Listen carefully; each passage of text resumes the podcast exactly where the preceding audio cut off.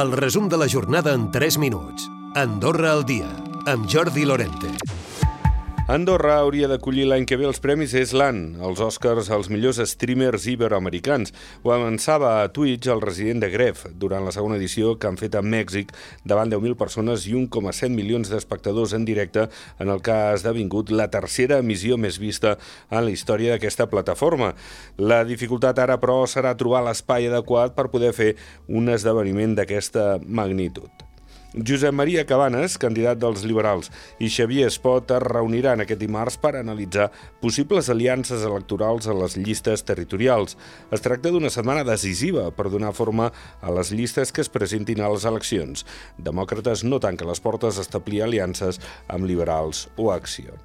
El Consell General ha aprovat aquest dilluns la llei dels autònoms, amb l'abstenció de tercera via, però ha deixat per més endavant la regulació dels treballadors per compte propi econòmicament dependents, és a dir, aquells que tenen un client que els factura el 80% o més del global. El motiu són les reticències de diversos grups pel que incluïa. Govern farà un text propi sobre aquest sector laboral. Aquest dimarts, per cert, s'ha d'aprovar el pressupost general de l'Estat del 2023.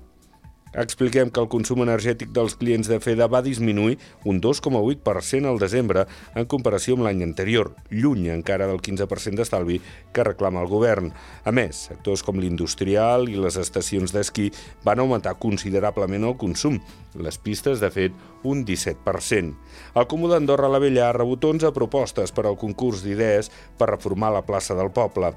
La voluntat és donar continuïtat al projecte d'ampliació amb la nova extensió sobre l'edifici del casino i les connexions amb el centre històric i el carrer Prat de la Creu.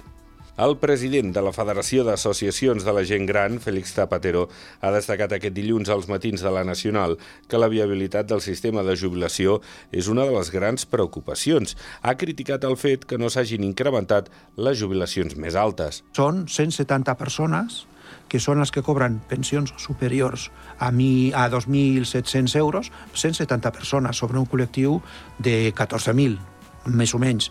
Però aquestes 170 persones, si s'hagués incrementat els, el 7,1, quin import seria? Seria un import tan elevat com per fer trontrollar el sistema de pensions.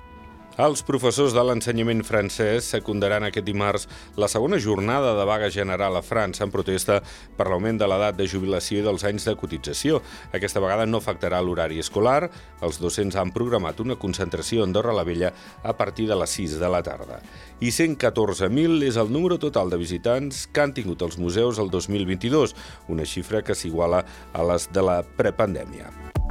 Recupera el resum de la jornada cada dia a Andorra Difusió.